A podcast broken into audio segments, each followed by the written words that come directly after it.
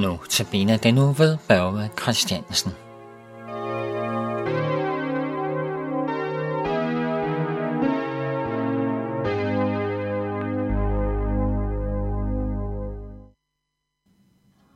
Øh, til i dag der skal vi høre øh, øh, verset fra salme 25, vers 14.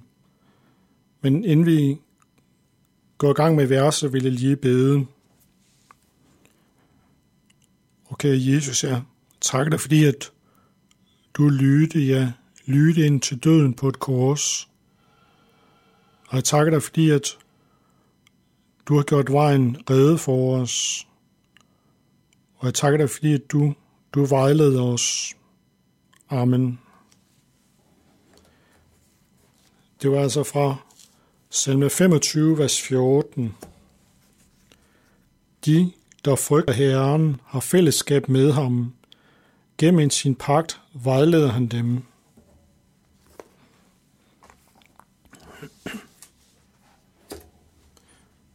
Når man læser dette vers, kan man umiddelbart komme til at tænke på, om man kan have fællesskab med en, som man er bange for.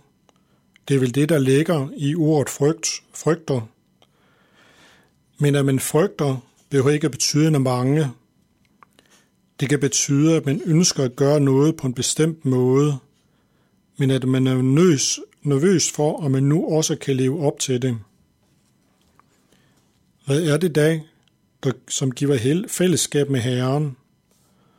Ordsprogene 3.32 siger det således, For Herren afskyer den, der kommer på afveje, men med retskaffende har han fællesskab.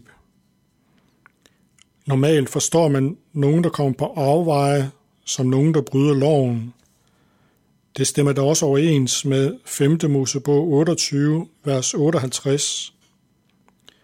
Hvis du ikke omhyggeligt følger alle denne lovs ord, som står skrevet i denne bog, og frygter det herlige og frygt den gydende navn Java, din Gud, så vil Herren ramme dig af din slægt med usædvanlige hårde slag, med kraftige og vedvarende plager og med svære og vedvarende sygdomme.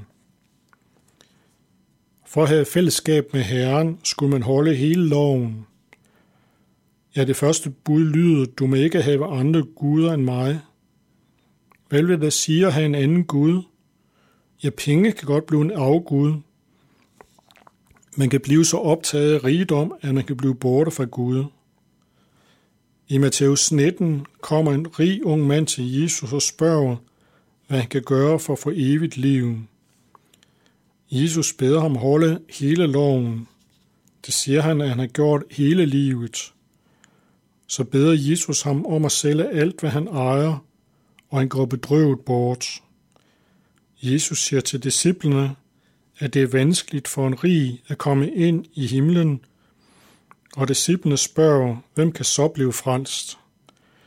Jesus siger, at for mennesker er det umuligt.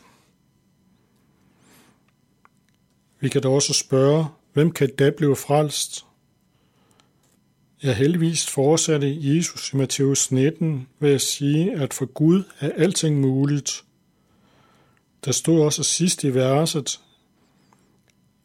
her i salme 25.14, at Herren vejleder gennem sin pagt. Ja, Herren har lavet en pagt. Gud lavede den pagt med vi mennesker, at han lod Jesus dø på korset langfredag, og den navlede han alle vores synder på korset. Derfor kan vi gå fri. Ja, vi kan opfylde Guds krav, fordi Jesus lever op til hele loven. Gud vil derfor se på Jesus, og dermed vil vi leve op til loven. Vi, kunne derfor have, vi kan derfor have fællesskab med Herren, fordi han har lavet en pagt. Vi kan frygte Herren, og hans pagt bliver opfyldt. Amen.